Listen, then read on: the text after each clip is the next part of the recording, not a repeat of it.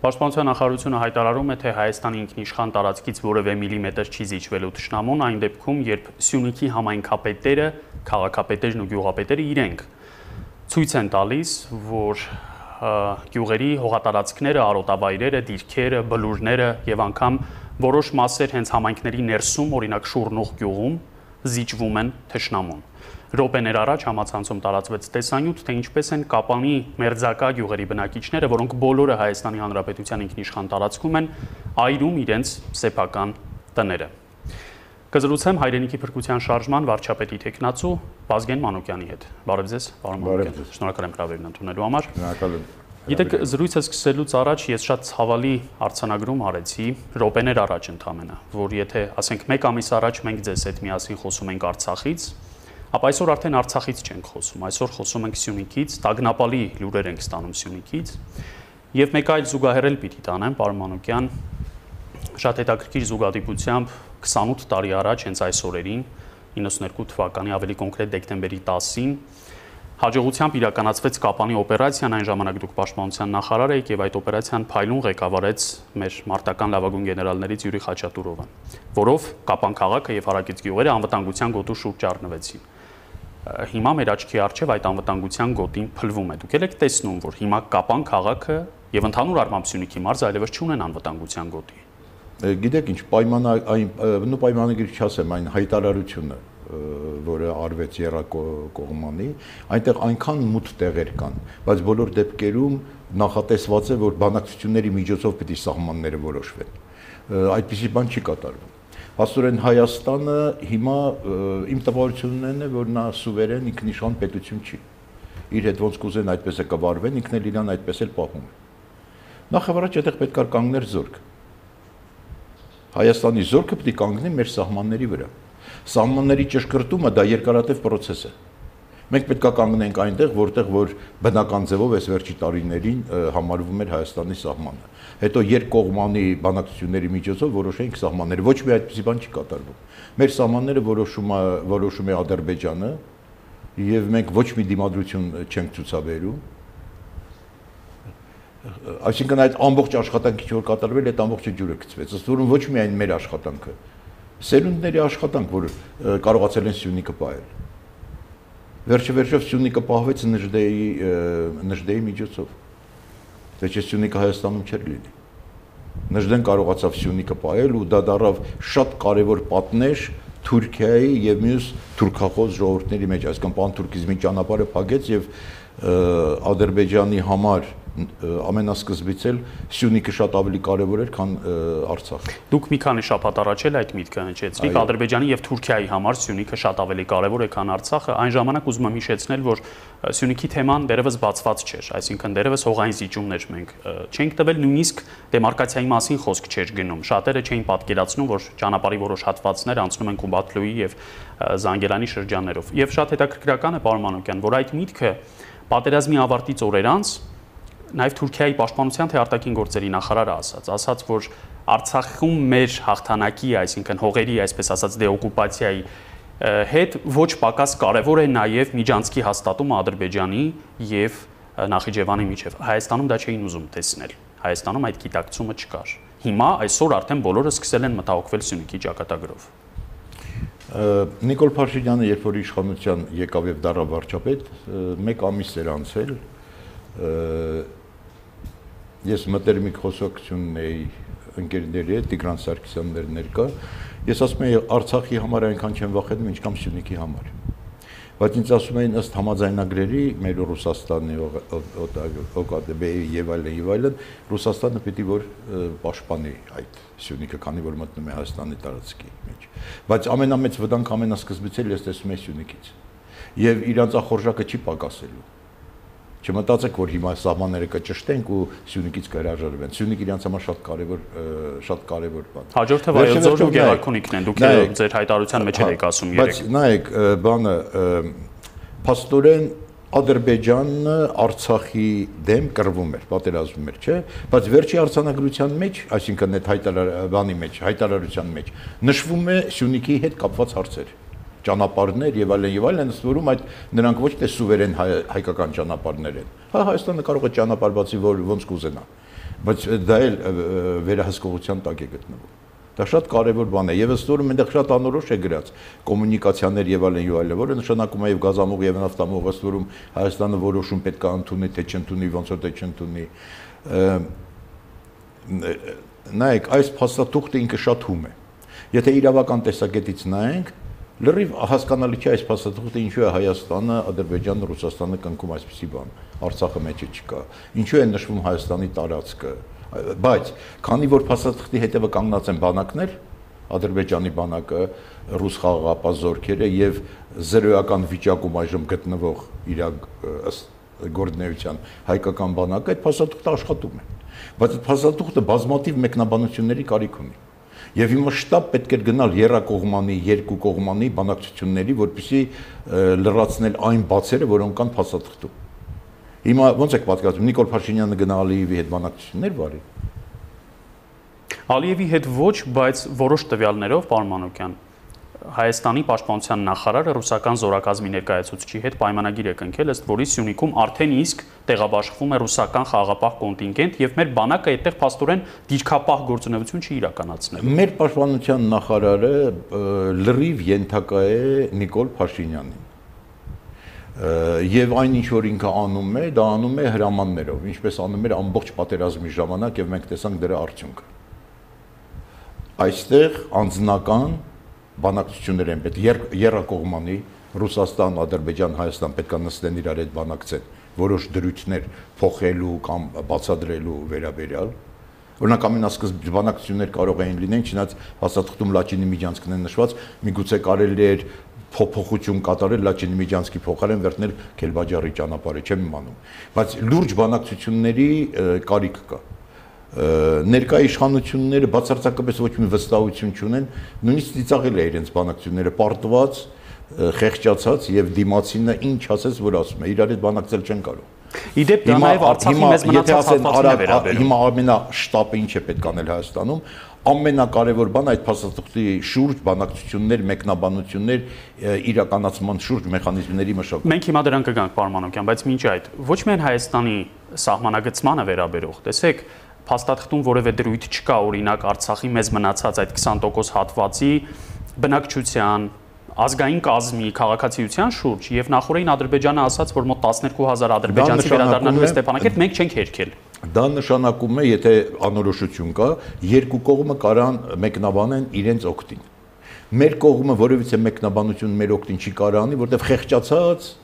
վիճակում է գտնվում։ Դիմացինը ոնց կուզենա, այդպես էլ կմեկնաբանի։ Դա մարի մա շատ կարևոր է կտրել այդ կապը եւ սկսել բանակցություններ արդեն նոր ֆորմատով բանակցությունները վարել։ Հայաստան, Ադրբեջան, Ռուսաստան կամ Հայաստան, Ադրբեջան, Հայաստան, Ռուսաստան բազմաթիվ բանակցությունների հարց կա։ Մենք ամեն օր կորցնում ենք այդ բանակցությունների հնարավորությունները։ Ինչ վերաբերում է բանակցություններին, պարոն Մանուկյան, պնդում կա հենց իշխանական շրջանակներից եկող որ բոլոր պայմանավորվածությունները արդեն կայացված են։ Դրանք եղել են մինչև նոյեմբերի 9-ը։ Մենք տեսնում ենք 9 կետանոց փաստաթուղթը, բայց եթե նույնիսկ չկա գախնի հավելված, վարչապետը հերքում էր խորհրդարանում, որ եղել է նման հավելված, ապա խոսքային բանավոր մակարդակում եղել են պայմանավորվածություններ, որոնց արդյունքը մենք այսօր տեսնում ենք։ Եվ ձեզ ուղղվող հիմնական հակաթեզը այն է, որ եթե այս պահին դուք Արմյուզից դուրս գաք եւ գնաք նստեք կառավարության շենքում, վարչապետի աշխատասենյակում, արդեն որևէ բան չեք կարող փոխել։ Քանի որ առանց ձեզ հարցնելու այդ պայմանավորվածությունները շարունակելու են իրականացնել։ Բայց եթե Նիկոլ Փաշինյանն ու Ալիև իրար հետ ինչ որ բան պայմանավորվել է, ես չեմ անում դրա մասին։ Ինչու ես պիտի պահպանում այդ պայմանավորվածությունները։ Էլ ձեզ չեն հարցնի, ասեն մենք արդեն պայմանավորվել ենք ձեր նախորդի հետ։ Ես էլ ով ինչ ուզես կարող ասի, դու էլ ասա։ Դրանից բան չի փոխվում։ Այս փաստաթղթի տակը պետքա լինեին տասնյակ էջեր քարտեզներով, մեխանիզմներ նշելով, այդ ամենը չի հավելվածներ, հավելվածներով։ Իսկ եթե իրանք սուրճ խմելով Ալիևը կարողացել է համոզել ինչ որ մի բան Նիկոլն էլ Նիկոլ Փաշինյանն էլ համաձայնվել է, դա իմ ինչ գործն է։ Ես վերցնում եմ կա փաստաթուղթ, կան անորոշություններ, ու այդ անորոշությունները այն տասնյակ էջերը որ գրված չեն, պետք է նստել նորից գրել։ Ու որովհետեւ այդ գրել պետք է Հայաստանը խեղճ վիճակում չլինի։ Պիտի մեջքից բանակը կանգնած լինի։ Հենց նույն այդ սահմաններում այդ բանակը պիտի կանգնած լինի որ ոտնձգություն չլինի։ Որտեւ Ադրբեջանը խոսում է ուժի դիրքից, իսկ դիմացինը խոսում է պարտվածի դիրքից։ Պետք է լինեն մարդիկ, ես կլինեմ ուրիշը լա մի կողմ թողնենք, անձի հարց չի ստեղ միայն, այլ պետք է լինեն մարդիկ, որոնք որ պարտության հետ կապ չունեն։ Միայն այդ ձևի կարելի է բանակցություններ վարել։ Պաշտպանության նախարարի պաշտոնը քաղաքական պաշտոն է, այո։ Բայց զինված ուժերի գլխավոր շտաբը ունի պետ եւ մենք ունենք գեներալիտետ։ Դուք տեսնում եք տրամադրվածություն չկատարելու քաղաքական որոշում։ Ես օրինակ չեմ տեսնում։ Ես տեսնում եմ հակառակը։ չեմ տեսնում։ Նայեք, պատերազմի ավարտից 13-14 օր առաջ, այսինքն երկու շաբաթ առաջ,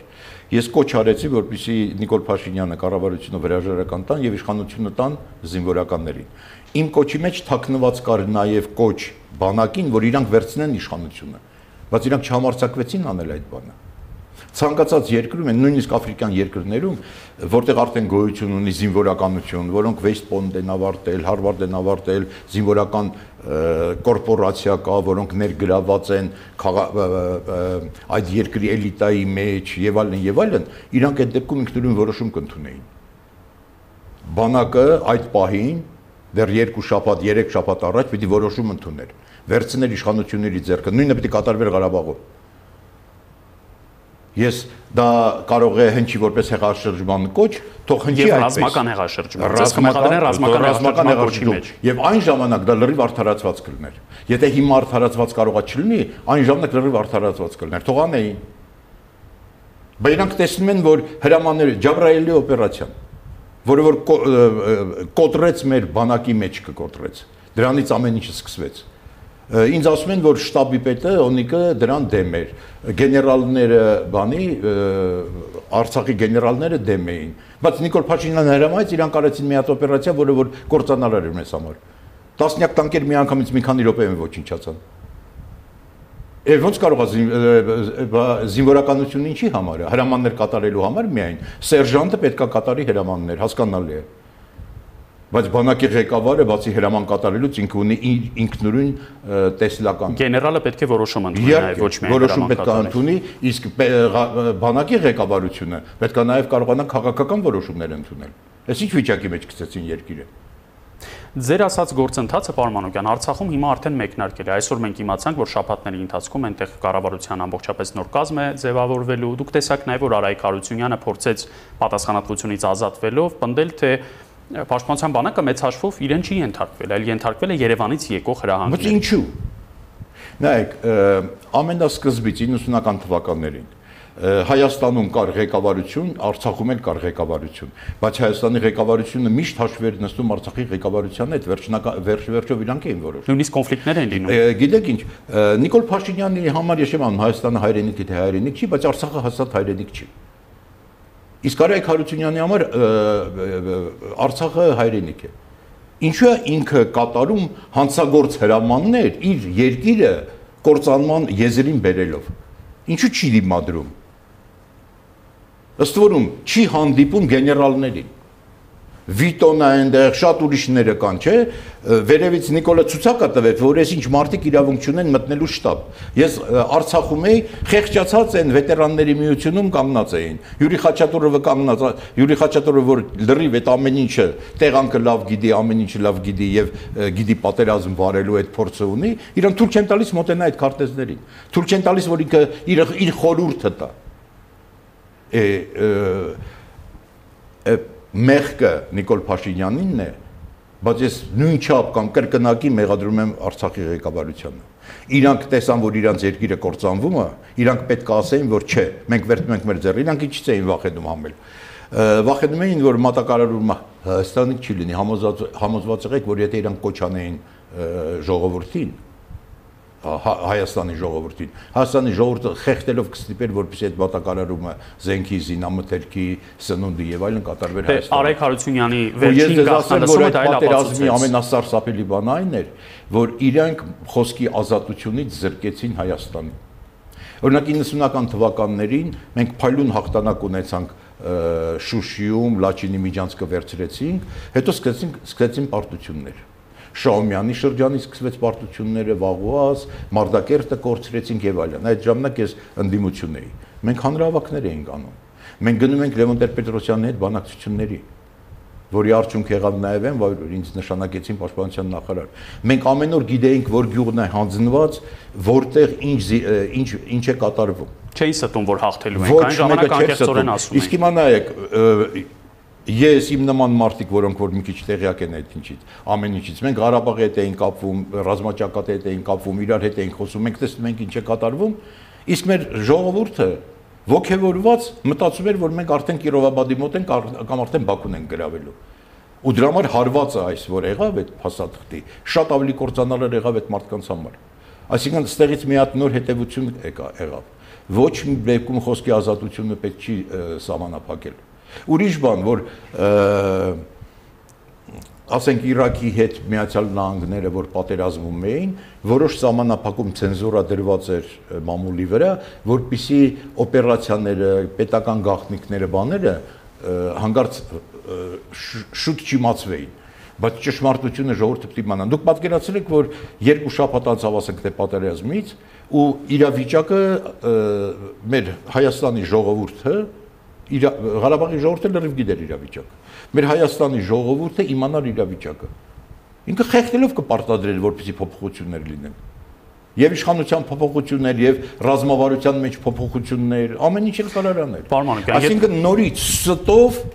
այս 2.5 տարին բացի ստից Հայաստանում ուրիշ ոչ մի բան չի եղել։ Ստի վրա հենվելով մենք կորցրեցինք Երբ խոսում եք այն մասին, որ մատակարարման հնարավոր խնդիրներից հա։ խուսափելու համար էր Արայք Հարությունյանը եւ Արցախի ղեկավարությունը համերաշխություն հայտնում։ Չէ, այդպեսի պատճառաբանություն ասում։ Բայց տեսեք, նույնիսկ գաղտնալսումը մի քանի օր առաջ էր ապարակված, հա։ որտեղ ինքը անկեղծորեն խոստովանում ասում է 10 օր մենք որևէ օգնություն չենք ստացել։ Արայք Հարությունյանն է ասում։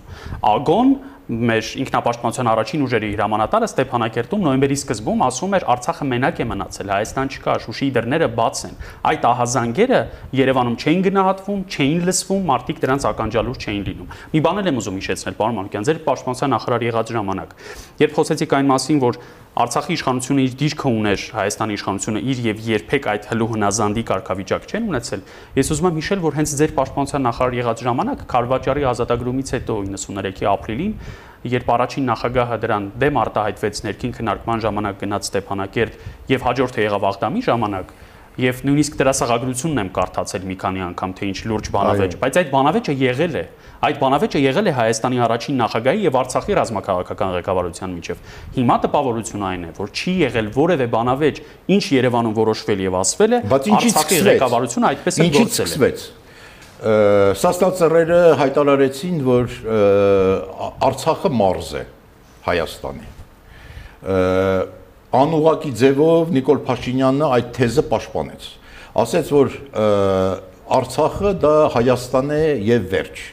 մի կողմ թողնենք թե դա ոնց ազդեց բանակցային process-ների վրա, բայց փաստորեն իրանք իսկապես կարողացան Արցախը դարձնել մարզի պես մի բան։ Բակո Սահակյանի մարզպետ էին անվանում։ Հա, մարզպետ էին անվանում։ Դե մարզ էին մարզ էին անվանում, ճաշակեցինք այն ինչ որ ստացվեց այդ ավենիչի բանով։ Եվ գիտեք ինչ, անընդհատ վիճաբանություն է գնում։ Ինչն է որ որն է տգիտության պատճառը։ Որ որ որ հետևանքն է հոգեկան ինչ որ վիճակներից եւ ինչն է կազմակերպված դավաճանություն։ Եվ այնքան հանգամանքներ կան համընկնող, որ չէր կարող պատահել կամ համընկնող բաներ լինեին որ ակամայից գալիս է, որ այս ծրագիրը 1918 թվին, երբ որ իշխանությունը փոխվում էր, այս ծրագիրը արդեն կար։ Եվ փայլուն է ծրագիրը իրականացվեց 2018 թվականից։ 2018 թվականից, երբ որ իշխանափոխություն կար, նայեք, եթե մենք խոսում ենք 2018 թվին, մարդիկ իսկապես դժգոհ էին ասում էին կային նախադրյալներ հեղափոխության բայց այդ նախադրյալները կային կային եւ նախորդ տարի եւ դրանից 5 տարի առաջ եւ դրանից 10 տարի առաջ եւ դրանից 15 տարի առաջ ըստ որում շատ ավելի մեծ նախադրյալներ շատ ավելի վատ էր վիճակը երկրի շատ ավելի մեծ էր լկտիությունը իշխանամերձ շրջանակների որը կամած-կամած մաքրվում էր բայց կատարվեց 2018 թվին այստեղ մի քանի հանգամանք իրար հետ համընկան Արտակին եւ ներքին։ Արտակին եւ ներքին հանգամանքներ համընկան, կատարվեց են ինչ որ կատարվեց։ Հետո նոր մի բանի վրա էլ ուշադրություն դարձրեք, նայեք, իշխանապողություն Հայաստանում եղել է։ Մի իշխանապողություն եղավ հեղաշրջումից հետո, երբ որ Սերժ Սարգսյանը, Ռոբերտ Քոչարյանը եւ Ազգեն Սարգսյանը վերցեցին իշխանությունը իրան ձեռքը հայտնի դեպքերից եւ հայտարարություններից հետո հաջորդ իշխանապողության նման մի բան եղավ հոկտեմբերի 27-ից հետո, երբ որ փոխվեց։ Բայց բոլոր իշխանապողությունների ժամանակ գաղափարախոսության ձողը այդ գաղափարախոսություն կրողները փող էին աշխատում, փող չէին աշխատում, ազնիվ էին, ազնիվ չէին, դա մի կողմ թողնենք։ Բայց գաղափարախոսության ձողը նույնն էր։ 2018 թվին Հայաստանը որթեգրեց նոր գաղափարախոսություն, որի մեջից ամբողջությամբ հանվեց ազգային այսինքն նեոլիբերալիզմի ամենաֆունդամենտալ բանը գիտեք ինչ սովորական լիբերալիզմի, սովորական բանի ժամանակ ազգային ու ազգային գաղափարն ու ազատության գաղափարը իրար չեն հակասում։ Նեոլիբերալիզմի մեջ նրանք մտնում են հակասության մեջ։ Եթե դու ազգայինը հանում ես, բնականա որ քեզ արդեն Արցախը դառնում է ձողի մեջից դուրս է գալիս, Արցախը քեզ պետք չի, նույնիսկ խանգարում է։ Եթե Արցախը քեզ խանգարում է, ուրեմն շատ կարևոր է բանակին չեզոքացնել ու հետևողականորեն դա գնաց։ Դուք եք ընդունում Պարմանոկյան, որ Նիկոլ Փաշինյանի ինքնակամ հեռանալու հավանականությունը շատ փոքր է։ Դա ասել եք մի քանի անգամ։ Միաժամանակ մենք ֆիքսում ենք, որ պետությունը ի վերջո առածգական չի չի կարող անverջ ճկվել։ Գործընթացը ի վերջո նավը պիտի ճոճվի ինչ որ մի կողմ դեպի։ Տեսնում ենք ժողովրդական ցասման ալիք, տեսնում ենք տասնյակ հազարավոր մարդկանց, որ դուրս են գալիս ժամելանց մոմավառության երթ է լինելու, վաղը 15:00-ին հանրահավաք է լինելու, բայց հանգուցալուծումը չի երևում։ Իր հարցազրույցներից երևում է իր պատրաստակամությունը ամեն գնով մնալու։ Հիմա խնդրում եմ ինձ ասեք, սա ինչ է, սա ինչպես դուք ասացիք 18 թվականին արտաքին եւ ներքին ուժերի համադրման որոշակի կետ է, երբ դերևս շահերը համընկնում են, որ նա մնա եւ այս ժողովրդական ալիքի ներքո է նա հեռացվելու իշխանությունից, թե մի այլ կերպ։ Նախ եւ առաջ ամենակարևորը այն է, որ ինքը իշխանությունից չի ուզում գնա անկախ որևիցե հանգամանքից, շատ է դուր եկել իրան իշխանությունը այդ սովորական վիճակից, երբ որ ոչ մի ուրիշ ճանապարհ չես անցել, մեկ էլ մի անգամից քո սեփական ինքնաթիռը դաչայում ապրես, միլիոններ ունենաս, հազար ու մի բան անես, parza ինքը չի ուզում դուրս գա։ Մյուս կողմից էլ կարող է շատ երկրներին, ոչ թե կարող է, այլ հաստատ կան որոշակի երկրներ, որոնց ավելի ձեռնտու է Հայաստանը օգտագործել որպես գործիք եւ ոչ թե Հայաստանի հետ նստել լուրջ արժանապատիվ կամ հավասար խոսակցությունների եւ ինքը դա զգալով մտածում է որ դրսի աջակցությունը իրան կօգնի ինչ կամ բայց դրսի աջակցությունը ստեղվեց նշանակություն չունի հարցը ուրիշ տեղ է ժողովրդի ցասումը չի բերի նրան որ ինքը մի օր ասի թե ես պետք է գնամ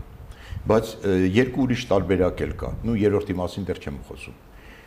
խոսեմ բայց մի տարբերակ այն է, որ բոլոր կառույցները տակից գնում են։ Ոստիկանությունը, բանակը, հիմնականում ուժայինները, իրատախազությունը նաև վերջին օրերին այդ դեպքում ինքը մն մաուտի մեջ կախված եւ ավտոմատիկորեն ինքը ուզի չուզի դուրս է գալիս ուրիշ տարբերակ չունի այսինքն իր հրամանները չեն կատարվում ստեղծվում է երկիշխանություն դրսում ինչ որ մարմին ստեղծվում որը ինքն է կառավարում երկիրը երկրորդը այս իր վրա չի ազդում բայց իր խմբակցությունը, որը ներկայացված է, այնտեղ կան մարդիկ, չեմ մանում, քանի 5, 6, 10, որոնք որ իր հետ գաղափարակից են եւ նաեւ միգուցե կիսում են մեղքը այս ամեն ինչի համար, բայց այն մեծ մասը դրանք պատահական իրանց ծանոթներն են սրճարանից, ուսման վայրից եւ այլն եւ այլն, որոնք նորմալ մարդիկ են եւ բերվել են ազգային ժողով, ունեն նորմալ ընտանիքներ, ծնողներ եւ այլն եւ այլն։ Այսինքն ժողովրդական շարժումը ազդում է իրենց վրա։ Եվ վերջը վերջո վարչապետին հանող եւ նշանակող ազգային ժողովն է։ Եթե ազգային ժողովի մեծամասնությունը հասկանա եւ տրամադրված լինի, որ Նիկոլ Փաշինյանը պիտի գնա, ինքը ուզում է թե չի ուզում, Այդ տրամադրվածությունը դերևս չկա պարոն Մանուկյան։ Մենք 3-4 հոգու ենք տեսել, որ դժվարանում եմ ասել, գիտեք ինչ, որտեվ այդ բոլոր մարդիկ գտնվում են նաև Նիկոլ Փաշինյանի չասեմ ազդեցության, այլ պրեսի տակ մարդիկ կան, որոնց բարեկամների վերաբերա բարեկամների նկատմամբ քրեական գործ կառուցված, որը կարան բացեն, կարան փակեն եւ շատ տարբեր պատճառներով շանտաժի ու սպառնալիքների մասին բայց այս պետությունն էս 2.5 տարվա մեջ դարել է ոստիկանական պետություն իրանք խոսում էին ազատության մասին հետարքրիր գիտեք որտե երիտասարդներն են որ սորոսական արևմտյան արժեքներ ազատություն երբեք Հայաստանի ներքին կյանքից կամ անազատ չի եղել ինչ կամ հիմա է դատական համակարգը սահմանական բան փլուզեցին ամենտեղ ոստիկանական բոլորի հերախոսները լսում են մենք այդ կամ տարի ապրել ենք, մենք միշտ սովորական հեռախոսով խոսում ենք։ Հիմա այն բոլոր ծանոթները, բարեկամները, ընկերները Signal, Telegram, WhatsApp ու իրար հետ վիճում են, որն են լսում, որը չեն լսում։ Նույնիսկ իշխանության ներկայացուցիչներն են Signal-ով իրար հետ շփվում։ Դա ինչ է ցույց տալիս? Որ ոստիկանական պետություն, այդ ոստիկանական պետությունում այդ երիտասարդները որոնք որ ինչ որ մի բան էլ մտածում են, կվախենան արտահայտվել։ Բայց եթե ցասումը ժողովրդի մեծ լինի, ապա իրանք էլ իրար հետ կհամախմբվեն եւ կկարողանան ինչ որ մի բան փոխել այստեղ է վարչապետի տեխնացուի հավակնորդ Էդմոն Մարուկյանի հետ ձեր տարակարծությունը Պարմանոկյան, որտեղ ինքը օրեր առաջ ասում էր ժողովրդական ցասումը այդ մարդկանց իրավունքն է, բայց դա որևէ բանի վրա չի ազդելու, դա չի բերելու վարչապետի հրաժարականին եւ բացառապես հնարավոր է իմ քայլականների հետ առանձնաբար աշխատելով հասնել վարչապետի հրաժարականին։ Հիմա դուք դա անում եք թե ոչ։ Գիտեք ինչ, եթե չկա ժողովրդական ցասում, եթե չկա գիտակցում, որ այն ինչ որ կատարվեց Հայաստանում հանցագործություն է, դու падգամավորների հետ ինչ կամ էլ ուզում ես աշխատի, ոչ մի բանի չես հասնի։ Ուրիշ բան, երբ որ կա այդ ցասումը եւ այլն, այդ падգամավորների հետ աշխատելը դա իրանց համոզելը չի, այլ իրանց վախը հանելն է, իրար հետ միավորելն է եւ այլն եւ այլն։ Էդմոն Մարուկյան արդեն խոսում է այն իրավիճակում, երբ որ արդեն կա ժողովրդական ցասում եւ դա իրեն էլ հնարավորություն է տալիս գնալ այն խոսակցությունների, որ առանց ժողովրդական ցասումի ոչ մեկ իր այդ այդ խոսակցությունները չել ունենա։ Բայց հիմա այդ բանը մի կողմ թողնենք։ Ես ասի երրորդ ճանապարհը Երրորդ ճանապարհը հիմա Հայաստանում ես չեմ Էդմոն Մարուկյան եւ երրորդ ճանապարհ շատ հետաքրքիր համադրություն եղավ դա իրենց արտահայտություն։ Կապ չունեն, Էդմոն դուք հարցեցիք Էդմոն Էդմոն մասին ես ասեցի։ Ես սկզբից ասեցի որ կա երկու ճանապարհ, այսինքն մեկ որ կառույցներն են անցնում ժողովրդի կողմ եւ չեն ենթարկվում, երկրորդը որ ազգային ժողովը ինքը լեգիտիմ ձևով քվեարկությամբ հանում է բանին։ Երրորդ ճանապարհը կա օրինակ նայեք, մենք շատ սիմետրիկ պատմություն է։ 90 92 93 94 թվին հակառակն էր ադրբեջանը խայտարակ պարտություն էր կրում մենք էինք առաջ գնում չէ Էլչիբեյն էր այն ժամանակ նախագահ 93 թվին արդեն հայտնի արդեն դեռ չէր ավարտվել պատերազմը, բայց արդեն հասկանալ էր, որ պատերազմը պարտված է։ Իրանց մոտ բարձացավ Գանջայում Գուսեյնովը բարձրացրեց ապստամբություն Սուրատ Հուսեյնովը, այո։ Հուսեյնովը։ Ինքը բարձրացեց ապստամբություն։ Պետական զորքերը եկան, ինքը պետական զորքերին ջարդեց։ Էլչիբեյը հրավիրեց Ալիևին, Գեյդար Ալիևին, հորը հրավիրեց Նախիջևանից Մեջլիսի նախագահ, կարծեմ նշանակեց թե ինչ նշանակեց։ Ամիսներ անց էլ նախագահ դարձավ։ Այսինքն նույնիսկ բանը այդ երեք որ լսում էի Ղազինյանին, այդ որ դատի տալ Նիկոլ Փաշինյանին։ Դու գիտեք, չէ, այնտեղի գլխավոր դատախազը նույնիսկ օրդեր դուրս գրեց LGB-ի ձերբակալության համար։ Սեպտեմբերի 1-ին Ալիևին արդեն կարծեմ սեպտեմբերի 1-ն էր 93 թվի Ալիևին մեջլիսը նշանակեց նախագահ։ Ճիշտ է, դրանից հետո Ալիևը փորձեց փոխել իրավիճակը 94 թվին եւ նորից պարտվեցին բայց այդ պարտությունը Ալիևի վրա չմնաց, որտեվ բոլորը հասկանում էին, որ արդեն այնքան խայտարակ պարտված են, այսինքն ոնց որ հիմա մենք փորձենք ինչ որ մի բան անել ու չստացվի այդ ձևի բան է։ Եվ այդ էր պատճառը, որ չնայած Ալի ֆորմալ տեսակետից Ալիևի այդ հարցակումը պարտվեց, բայց Ալիևի վրա դա չկպավ. Ոչ դավաճան, ոչ պարտություն, այդ ամբողջը ժողովրդի հայրը հա, հնչակվել այսօր։ Էլչիբեի, Էլչիբեի վրա գնաց ու տենց գնաց։ Այսինքն այդպիսի երրորդ սցենարը դա արդեն ապստամբությունն է։ Որը ամենասարսափելի սցենարներն է պետության համար։ Որը ինչ կան մեղմ, ինչ կան լեգիտիմ, այնքան ավելի օգուտ է Ես երկու այլ սցենար էլ առաջարկեմ Պարմանոկյան դարձյալ իշխանությունից եկող։ Առաջինը այն է, որ իրենք ընտրում են այլընտրանքային տեխնացու, իրենք են ընտրում խորհրդարանի խոսնակ կամ փոխվարչապետ որը դարձյալ իրենց թիմից է, չգիտեմ որքանով է դա տրամաբանական դուք հիմա կասեք, եւ երկրորդը այն, որ իրենք հնարավորինս սեղմ ժամկետում առանց անցումային կառավարության կազմակերպում են արտահերտ ընտրություններ։ Իրենք հիմա տրամադրված են։ Նիկոլ Փաշինյանի խոսքից երևում է, որ ինքը ուզում է կազմակերպել։ Երկու սցենարն էլ իրանց մոտ հիմա ակտիվորեն քննարկվում է։ Եթե իրանք Նիկոլ Փաշինյանին հանեն եւ նշանակեն ուրիշին, ես կասեմ եկեք վերադառնանք հետ տեսնենք ինչ էր կատարվում վերջը վերջով Նիկոլը երևում էր Նիկոլի դեմքն էր երևում բայց Նիկոլը դա 98 2018 թվին իմ մոտ տպավորություններ ես երբեմն հումորով ասում եի, ոնց որ ալմոլորակայինները գրավել են Հայաստանը կամ ինչ որ դեսանտ է իջել։ Այսինքն իմ պատկերացումով դա 5-6 հոկանոց էր, դա 10 հոկանոց էր, ինչ էր, բայց ինչ որ դեսանտ էր որը արտաքին ուժը հենվելով հիմնվելով Հայաստանում եղած տրամադրությունների վրա եւ իրականացնելով արտաքին ազդեցության գործը իրանք իշխանությունը վերցեցին հիմա իրար մեջ կարան ռասպասով կանեն, այսինքն դրսի ուժերն էլ, որոնք որ իրանց կառավարում են, կարան ասեն Նիկոլին հանեք, սրան նշանակեք։ Ինձ համար դա նույնն է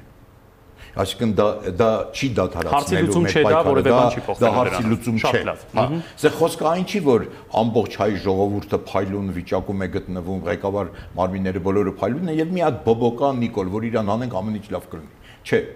Սա խմբա խմբակային հանցագործություն է կատարվել։ Արտահերտ ընտրություն պարոն։ Հիմա իրենց կազմակերպած արտահերտ ընտրությունները առաջինը այս երկու հարց քննարկենք։ Ինչ կամով նրանք կլինեն մաքուր եւ այս պահին կարելի է արտահերտ ընտրություններ կազմակերպել թե չէ։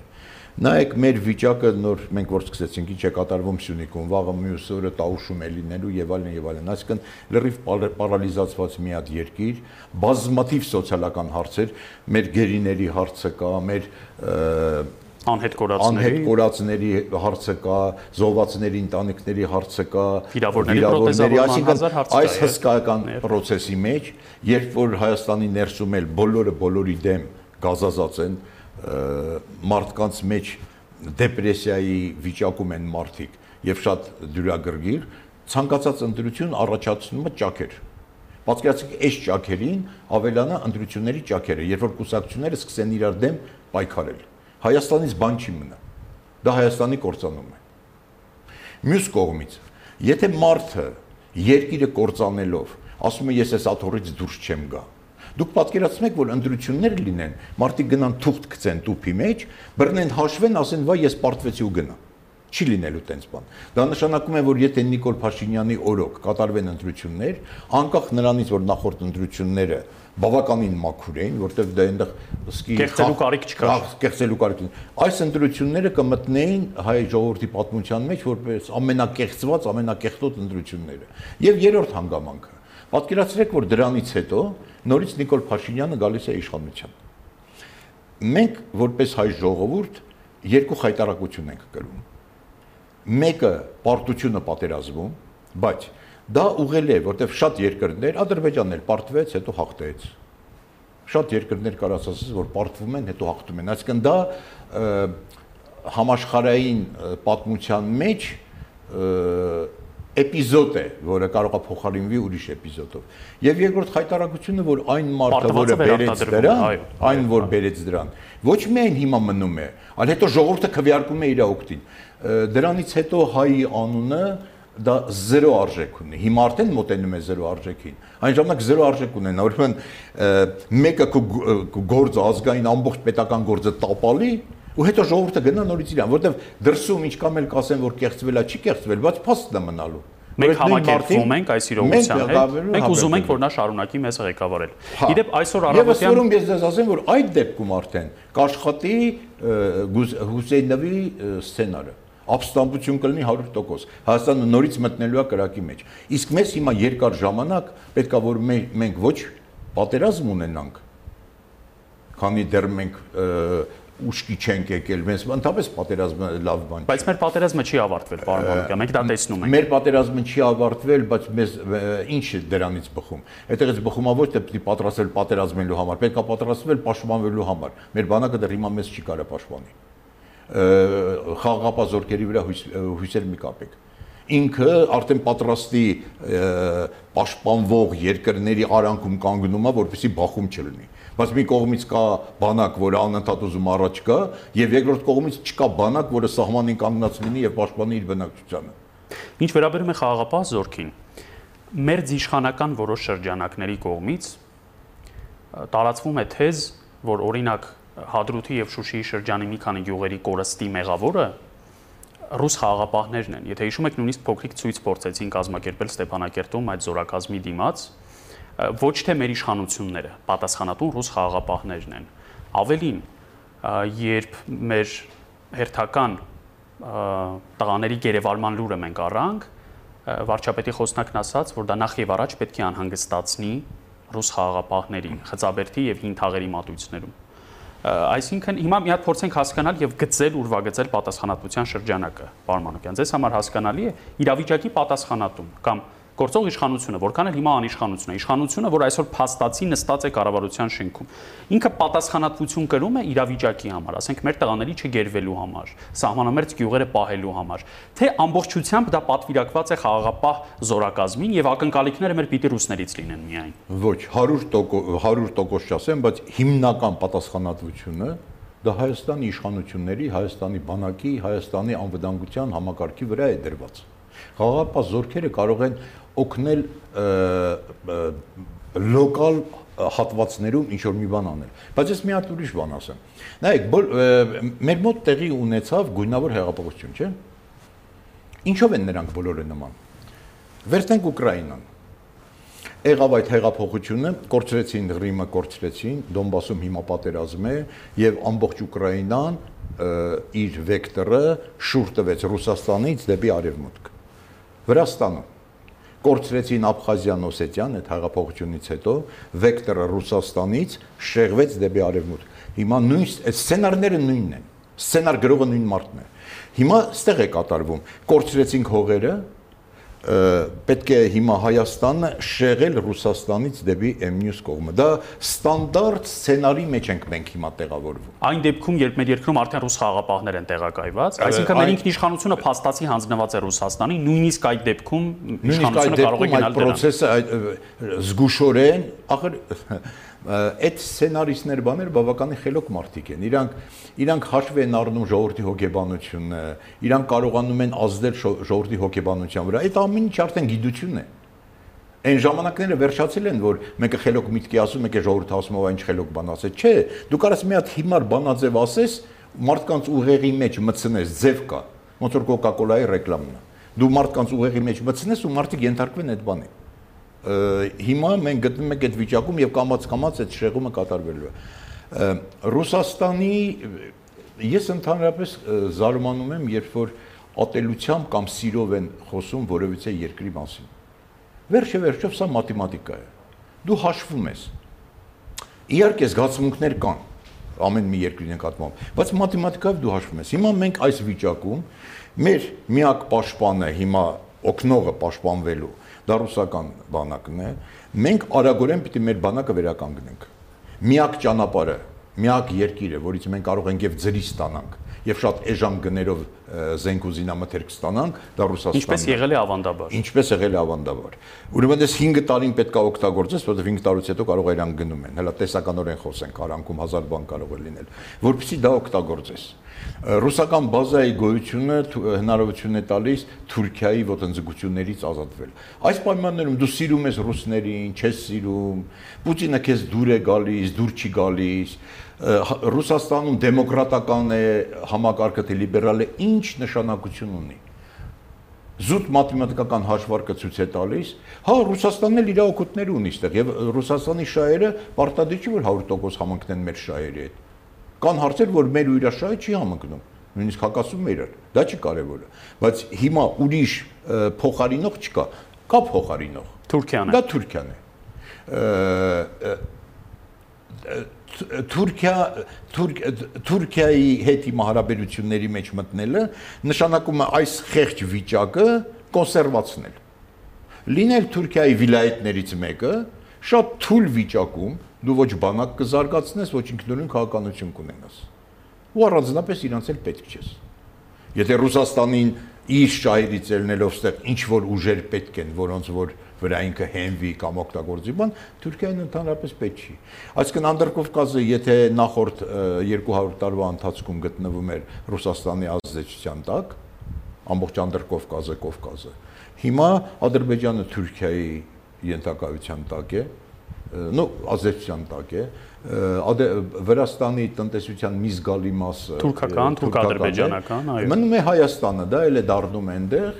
հա գյուղերում մենք առանց բանակի, առանց ոչ մի ձգտում ունենալու, առանց ազգային բանը ողելու կապրենք մեզ համար։ Մի մարդ է, բայց քիչ թե շատ նորմալ մարդը կթողնի կգնա Հայաստանից։ Այսինքն դա ճանապարհ։ Դուք տեսնում եք թե արդեն արտակարգ ինչ սարսափելի դրամատրություններ կան։ Բոլորը սպասում են սահմանները բացվելուն։ Սա ամենացավալի իրողությունը, երբ մենք մեր ապագային, մեր երեխաների ապագային ենք հրաժեշտ տալիս։ Մենք այլևս հույս չենք կապում ով էլ լինի իշխանության, հույս չեն կապում, ասում ենք անվերականգնելի կորուստ ենք գրել։ Գիտեք անձը, որը իշխանությանն է, իր իր անուն ազգանունը կամ դեմքի ֆոտոն կամ բանը չի կարևոր։ Եթե լինեն որոշ հաջողություններ, գոնե փոքր հաջողություններ, սահմանների ճշտման հարցում, սոցիալական հարցում, տնտեսական զարգացման հարցում, եթե նայեք նոր իշխանությունը ինչ կարող է անել, որը Նիկոլը չի կարող անել, այտենց հարցել է տալիս։ Առաջինն ես ասացի, վստահության հարցն է, բանակցություններին կվարել չի կարող եւ վստահություն չկա, այսինքն ֆինանսական ոչ մի հոսք Հայաստան չի լինելու։ Վստահություն չկա։ Այսինքն պետք է պետք է իշխանություն, որի եւ լավ երևում է, որ օրինակ Մոսկվայի հարուստ հայերը Սփյուռքից կան արտասահմանյան դոնորներ, որոնք որ ներդրումներ կկատարեին Հայաստանում, եթե Նիկոլը չլներ, այսինքն ուրիշ իշխանության բան։ Պարոն Մանուկյան, հայկական բարեգործական ընդհանուր միությունը, որը երբևէ հայտարարություն չի արել քաղաքական, անգամ նրանք են պատկերացրեք նոր իշխանությունը, եթե ունենա նախ եւ առաջ արագորեն կարողանա պաշտպանության հարցերը լուծել եւ սկսի բանակի վերակառուցումն ու զարգացումը, սահմանները կարողանա պաշտպանել, տնտեսական հարցերում եւ ներդրումային քաղաքականության մեջ որոշ դրական միտումներ լինել, լինեն, մարդիկ չեն գնա։ Օրինակ նայեք, գնացողները դե հիմնականում աղքատ մարդու շատ դժվար է գնալ Հայաստանից, ինչքան էլ ինքը դժվար լինի։ Գնում են քիչ թե շատ միջին խավը, այսպես ասած։ Հա, միջին խավը։ Օրինակ մի հատ օրինակ բերեմ առանց անուն տալու։ Ինքը ասում են, որ իմ բիզնեսը Հայաստանում արժեր 10 միլիոն դոլար։ Հիմա եթե ես ուզենամ 1 միլիոն դոլարով ծախել, չի վաճառվի։ Բայց եթե ինքը տեսնում է, որ Հայաստանը նորից սկսում է բարձրանալ, իրան պետք չի ծախել։ Ինքը կսպասի այդ 1 միլիոնը դառնա 5 միլիոն, 6 միլիոն, 7 միլիոն, հեն դարավ 10 միլիոն ինքը կասի եմ գնում։ Այսինքն մեզ պետք է նոր իշխանությունը, որպիսի ունենա գոնե փոքր հաջողությունների շարան։ Եվ կանխատեսելի լինի, կայուն եւ կանխատեսելի։ Այդ դեպքում վստահությունը կմեծանա։ Պարոն Մանուկյան, հիմա քանի որ նորից գալիս ենք այն կետին, թե ի վերջո հոգուտ որ կողմի է ճկվելու այս ռեզինը, որը չի կարող անverջ ձգված մնալ եւ հանգուցալուծումն էլ չի երևում։ Ես խնդրում եմ դուք ասեք, դուք պատրաստ եք Նիկոլ Փաշինյանի հետ բանակցությունների։ Եթե հարցը հասնի դրան, եթե ինքը համաձայն լինի քննարկել իր անցնցում հերացումը։ Ես իր հետ երբեք չեմ հանդիպի։ Ես համարում եմ ինքը ազգի դավաճան, ես ազգի դավաճանների հետ չեմ հանդիպում։ Կգնա կամ ես կամ մեկ ուրիշը այդ աթոռին կնստենք, բայց ես իր այդ բանակցությունների երբեք չեմ գնում։ Դա այդ դեպքը չի։ Դուք կսպասեք մինչև նա ասենք հերոստա եթերով հայտարարի, որ ինքը հեռանում է։ Հա, ես իր հետ խոսելու բան չունեմ։ Դուք միանշանակ ընդունում եք Վարման Մանուկյան, որ կան մարդիկ եւ նրանց թիվը քիչ չէ, որոնք իհարկե կողմ են Փաշինյանի օր առաջ հերացմանը, բայց միաժամանակ չեն գալիս հրաապարակ, որովհետև վերապահումներ ունեն հարթակում կանգնած ուժերի հետ, անձամբ ձեզ միգուցե ինչ որ վերապահումներ ունեն։ Դուք ինչ կասեք այդ մարդկանց կամ միգուցե ինչ այլ ընտրանք կառաջարկեք, այսպես ասեմ։ Դեք ինչ վերցնենք այն մարդկանց, որ անձամբ իմ նկատմամբ ունեն, ես իրանց հանգստացնեմ, որ դա մի տարի է տևելու, մի տարի կդիմանան, ոչինչ։ Դրանից հետո ճանապարհ է բացվում, որ իրենք էլ կամ իրենց սիրեցյալները գան իշխանության, թող աշխատեն այդ ուղղությամբ։ Ինչ վերաբերում է այն կուսակցությունների, այն քաղաքական ուժերին, որոնց որոնք սատարում են այդ ես եմ իրանց սատարում, իրանք էլ ինձ են սատարում, շատ խայտաբղետ են, ըստ որում մեջները կան կուսակցություններ, որոնց ինձ ճշնամի են եղել, կան կուսակցություններ, որոնց նկատմամբ անտարբեր եմ եղել, բայց մի հատ իրավիճակ է ստեղծվում, որ մեր բոլորի հակասությունները, նույնիսկ իրար պատճառած վնասները դառնում են 0 համեմատած այն խնդրի հետ, որը այժմ կանգնած է Հայաստանի առջև եւ եթե այդ ուժերը կարողանում են համախմբվելով ստեղծել հա, բան շարժում, ժողովրդական շարժում, ապա պետք է հարգել իրենց ընտրությունը, իրենց որոշումն որոշումը։ Եթե հիմա առաջանա մեկ ուրիշ համաժողովրդական շարժում, ուրիշ կուսակցություններ, ուրիշ բաներով ինք ունենա արտադրություն, խնդրեմ, դա արդեն ուրիշ բան է։ բայց քաղաքականության մեջ քաղաքական ուժերն են իշխանության մեջ այդ փոփոխությունները կատարում հիմա դուք չեք տեսնում մեկ այլ համաժեք քաղաքական գործընթաց կա որտեվ մարդիկ շատ մարդկանց մոտ այդ բանաձևը ուղեղի մեջ մտած է որ հների նկատմամբ պատելություն եթե մանրամասն հարցնես կարողա չկարողանա ձևակերպել, բայց հների նկատմամբ այդ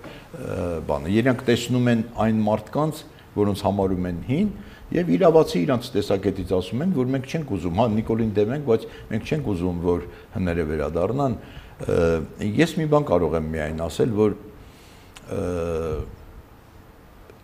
հները դա մարդիկ չեն, այլ հները դա մտածելակերպն է եւ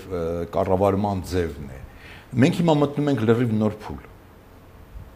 Հասկանում եք Հայաստանը ինքը իր ժամանակաշրջանում, ասենք թե 90-ից մինչև 94 թիվը, 95 թիվը, ինչ վիճակում էր գտնվում։ Ինքը կառուցում էր պետություն, ազգային, ժողովրդավարական, ազգայինից մի քիչ շեղումներ էր լինում, որին բողոքում էինք եւ այլն եւ այլն։ Բայց շատ բացասական երևույթներ կային, որոնք ես չեմ ուզում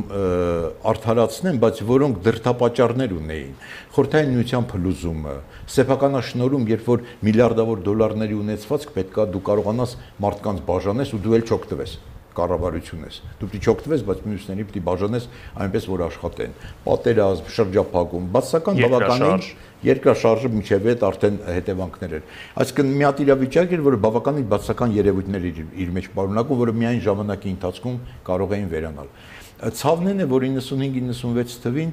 որ մի նոր որոշում ընդունվեց, որը ազդեց ամբողջ քաղաքական հետագա զարգացումների վրա։ Այն, որ իշխանությունը պետք է վերարտադրի իրան, ընտրությունները կարևոր չի ժողովուրդը ոնց է ընտրում, դու պետք է ինքդ քեզ վերարտադրես բայց դրանից հետո բավականին երկար ժամանակ այդ բանաձևը միջև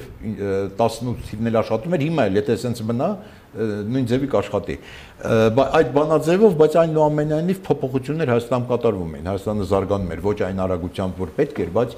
զարգանում էր հիմա մենք մտնում ենք նոր փուլի մեջ մեկ երկու տարին դա վերակառուցման փուլ է, բայց հիմիկվանից պետք է մեջը նախադրյալներ դնել, որ մենք ունենանք այն պետություն, արդեն վաղուց անցել է սեփականաշնորհումը, անցել է նա շատ բաներ անցել են։ Այդ պետությունը կառուցելու մեջը մարդիկ կարող է լինեն, որոնք նախկինում պաշտոնյա են եղել, ոչ մի նշանակություն չունի։ Մենք էլ 90 թվին որ եկանք իշխանության, շարժում է եկավ իշխանության։ Կոմունիստ նախարարներ ունեիք ձեր կաբինետում։ Կոմունիստ նախարարներ ունենք, հետո կոմունիստները բավական եւ ազգային ժողովում կային եւ ամենտեղ աշխատում են եւ ես բացի օկուտից վնաս չեմ տեսել կոմունիստների ներկայությունից։ Հիմա դուք ունեք կառավարության ցանկ, անհատական Պարմանուկյան։ Գիտեք, որ ձեր հաջողության հասնելու դեպքում ով ինչ նախարար պետք է նշանակվի։ Ես չունեմ ցանկ եւ բավականին դժվար է հիմա պետք է գտնել այն մասնագետներին, այն մարդկանց, որոնք որ այդտեղ կաշխատեն։ Ասենք պաշտպանության նախարար, արտաքին գործերի նախարար, շատ կարևոր է այդ մարդկանց անհատապես իմանալ։ Հենց այնքան կարևոր է ու այնքան բարդ տեղ է, որ շատ դժվար է մարդ մարդ գտնելը։ Հարցը դա է ուրիշ տեղ է։ Եթե Դուք Ինքայլի հետ կաշխատեք, պարոն Մանուկյան։ Ինքայլի տեխնացուներ կան, որ հիմա ձեր աչքի տակ կան եւ դուք պատրաստ եք նրանց։ Ես անկեղծ ասած իմ քայլին չեմ ճանաչում։ Այսինքն ես այդ տղաներին աղջիկեքին լավ չեմ ճանաչում։ Երբեմն հերոսացով մի երկու բան լսել եմ, մի բան դուրս եկել է, մի բան դուրս չի եկել։ Նախարարներից մի երկուսին կա որ ոնց որ թե վատ լավն է։ Ասենք տարածքային կառավարման նախարար Սուրեն Պապիկյան։ Մեկ օրինակ եմ բերում, որը բոլոր կողմերի համար կարծես ընդունելի ֆիգուր է։ Անուններով չխոսեմ որտեվ հենց անուն տալիս ես բայց կան այդպիսիք ձեզ համար կան այդպիսիք հարցը ուրիշ տեղ է նայած կառավարությունը ոնց է կազմավորվելու պատկերացրեք որ ես ժողովրդական ճնշումների ներքո տակ ազգային ժողովում փաստորեն երկու ընդդիմադիր խմբակցություն կա ինչ կամ են կարևոր չի ընդդիմադրության աստիճանը, բայց երկու ընդդիմադրի բան կա եւ պատկերացրեք իմ քայլից առանձնանում է մի հատ խումբ, որ այս երեքը միասին մեծամասնություն են կազմում ազգային ժողովում։ Այդ դեպքում իրանք կարողանում են Նիկոլ Փաշինյանին հանել ու ենթադրենք իրանք իմ տեխնացությունն են պաշտպանում, ենթադրենք։ Այդ դեպքում ես որպես վարչապետ արդեն քաղաքական բանը այդպես է դրված, քաղաքական ամբողջ մեխանիզմները ամբողջ դե- բոլոր դեմոկրատական եւ պարլամենտական երկրներում, որ ես իրանց հետ խորհրդակցելով պիտի կարողանամ նշանակել։ հետ հաշվետու լինել որևիցե մարդու անուն տալը ուղակի անհետեթություն է, չնայած շատ մարդիկ կան, որ ասում են գոնե մի քանի անուն տու, որ մարդիկ հասկանան, որ դու միայնակ չես։ Ում եք պատկերացնում, այո։ Ում եք պատկերացնում Բայց դուք միայն կարամ ասեմ, որ պատկերացնում եմ լավ մասնագետներ եւ անպայման երկրին նվիրված ազնիվ մարդկանց։ Դե նրանց հավաքագրելը ամեն դեպքում հեշտ գործ չէ, պարոն Մանուկյան։ Դուք այդ կադրային բանկը պետք է ունենաք, պետք է ձեր տրամադրության տակ լինեն այդ անձանց անունները։ Ցավոք սրտի այդ բանկային այդ բանկը չկա։ Չկա։ Ոչ մի կուսակցություն էլ չունի եւ դրա համար մեր նշանակումները շատ անգամ պատական են։ Ես որ առաջի անգամ վարչապետ էի, ընդհանրապես զրոյական վիճակ էր եւ པարզ չէր ում նշանակես։ Նշանակում էր նրան ում գործնեայության մասին ինչ որ մի բան գիտեի։ Այս ստացվում էր քո ծանոթը։ Կամ դիմում էի, ասում էի, ինձ պետք է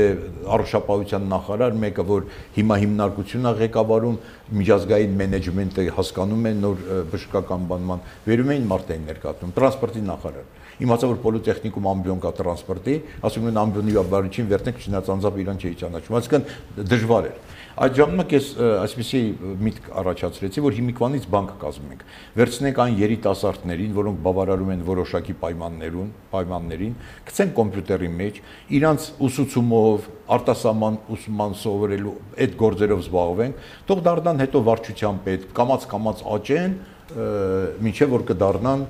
ինչ որ մի բան։ Ճիշտ է, մի քիչ սովետական մոտեցում է, որտեղ դեմոկրատական երկրում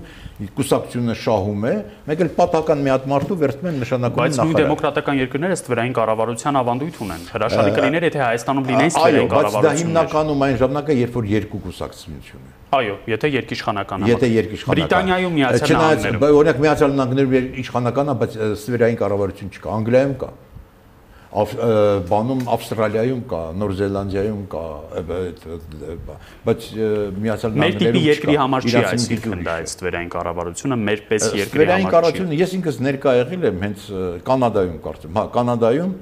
այնտեղ ներկայացրեցին բան մի խոսքով ինձ համար էր պատիվ որ սպիկերը ներկայացրեց որ Հայաստանի պաշտպան նախկին վարչապետ եւ այլն իրակ այդ բաները ու ներկայացրեց նաև կողքս մի հատ կիներ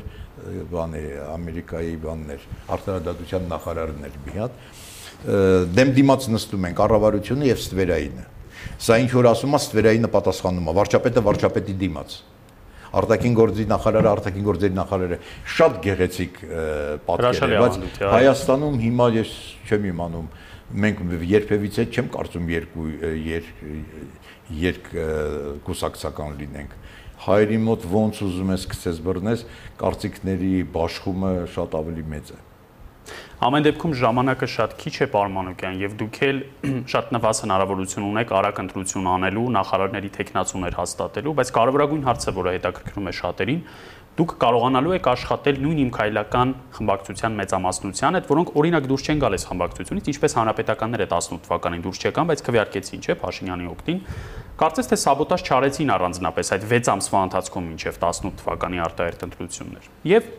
լավ կանված ստացվեց աշխատանքը։ Ես ասեմ, ուզես չուզես պետք է աշխատես ու դա էլ է պատճառը որ 1 տարուց հետո արժի ընտրություն անել, չարժի 3-4 տարի ձգել, որովհետև այնուամենայնիվ parlamentu կառավարությունը պետքա նույն գաղափարների շուրջը լինեն բայց նորից ասում եմ, ես լավ չեմ ճանաչում իմ քայլականներին, հետները շփում չեմ ունեցել,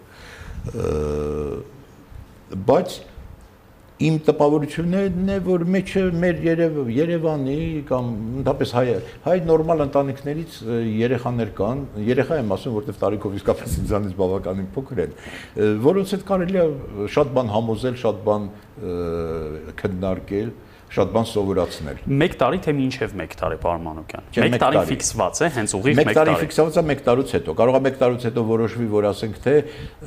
3 ամսից հետո կամ բան, այդտեղ կարող է ամիսների հարց լինի, բայց 1 տարուց հետո է դժվար ոչ թե։ 1 տարին պետք է իրավիճակը կայունացնելու, նոր բանակցություններ սկսելու եւ ընտրություններ նախապատրաստելու։ Հիմքը դնելու համար։ Եվ